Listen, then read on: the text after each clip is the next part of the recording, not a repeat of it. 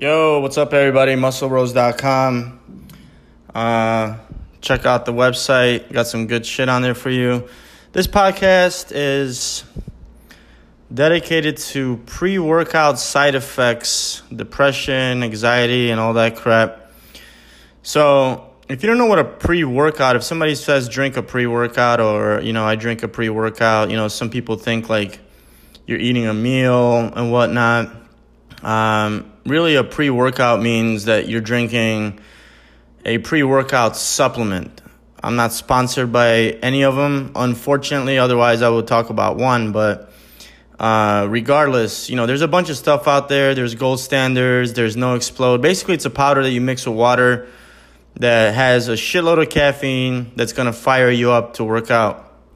And why these supplements are so popular, basically, is the same reason why coffee is so popular. Is that it gives you energy, right? It wakes you up. It gives you a lot of energy to work out.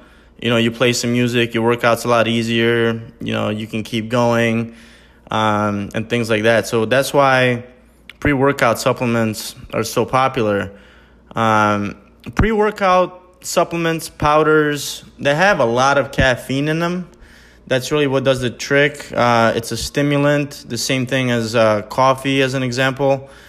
So that's why you know you get all the extra energy and so on but there's a lot of pre-workout side effects that i want to talk about just so you know kind of what to expect so you know people drink them because you know working out is fun for some people for some people they need that extra boost you know there's marathon runners that just get out there and run um, you know 10 15 20 miles um, sober right so I say sober because I look at a pre workout as some sort of a drug, right? Um, it's a stimulant, and you know that's that's that's a drug, right? So that's why people take them. Um, there's there's side effects, and the side effects are basically it's the same as drinking coffee, right? If you never drink coffee, and then you drink a cup of coffee, you're gonna get, you know, very woken up. You're gonna get a lot of energy. It's gonna have a big effect on you uh, you start drinking coffee every day, um, your tolerance is going to go up. The same thing with you know anything else.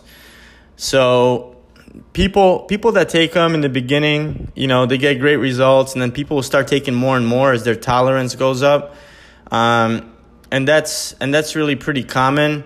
What the pre workout drinks do to you basically is that they mess with your adrenal glands um, your adrenal glands are basically a part a part in your brain that produces uh, serotonin, right, which is happy juice. When you're happy, uh, your adrenal glands uh, release serotonin, which you could think of as you know happy juice, right? I'm happy, serotonin goes out, so on and so on. So that's what this supplement does. So over time, the same thing as testosterone, your body produces serotonin naturally. Your body produces testosterone naturally. So people that are on steroids that take testosterone, since your body produces it naturally, it stops producing it because it says, you know, why do I need to take, um, you know, why do I need to produce testosterone when, you know, you're taking some orally or injecting it if you're on steroids or whatever the case is. That's why a lot of bodybuilders have problems when they get off of steroids. Their body is not producing testosterone anymore then it starts producing the female hormone, which is estrogen. So I'm not going to get into that, but basically, it works the same way with serotonin in your adrenal glands, right? It drains your adrenal glands of the natural serotonin that your body produces. So over time, you could really mess this up, and that's why I say that it causes uh, depression, which it does, right?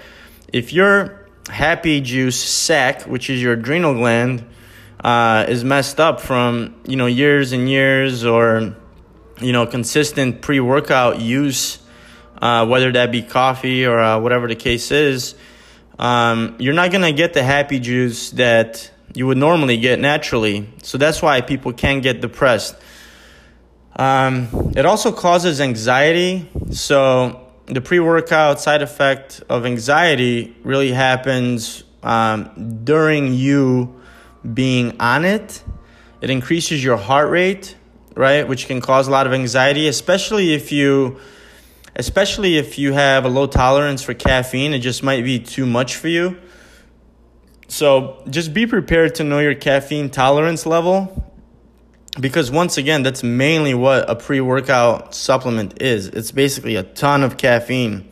You know, I've read things that uh, you know a pre-workout drink is the same as drinking you know four or five cups of coffee, six cup, cup cups of coffee. Whatever you buy, look at the milligrams on the bottle, and then you know you can research how many uh, milligrams are in a cup of coffee, which is usually around 150 milligrams to 250 milligrams. Maybe about a, uh, 200 milligrams is typically in a cup of coffee. And, you know, sometimes these pre workouts will have, you know, 600 milligrams of caffeine um, and so on. So if you're sensitive to it, just be uh, very cautious of the effect that it's going to have on you. Um, so just keep that in mind. I think I think taking a pre workout drink is fine, but keep it to a minimum right? I don't know if it's the healthiest thing or not. I don't think there've been any long-term research studies. People always have, you know, their opinions on this is healthy, this is not healthy. I think it's not healthy uh, to work out, not to work out. Um, so if you need a little boost, I think it's fine. But just if you overdo it, if you start taking one scoop and then two scoops and then you just don't feel it anymore, you should lay off of it for a little bit uh, drink some coffee because it really is a lot of chemicals, a lot of stimulants, and so on. Just really gives you that unnatural, uh, unnatural energy to work out. But once again, you know, the supplement industry is a billion dollar industry and a lot of people buy it. Uh, Pre workout next to protein is by far the most popular supplement out there for people that work out um, and in stores like GNC and Vitamin Shoppe and so on. So I'm gonna put a link to an article uh, that I wrote on muscleroast.com.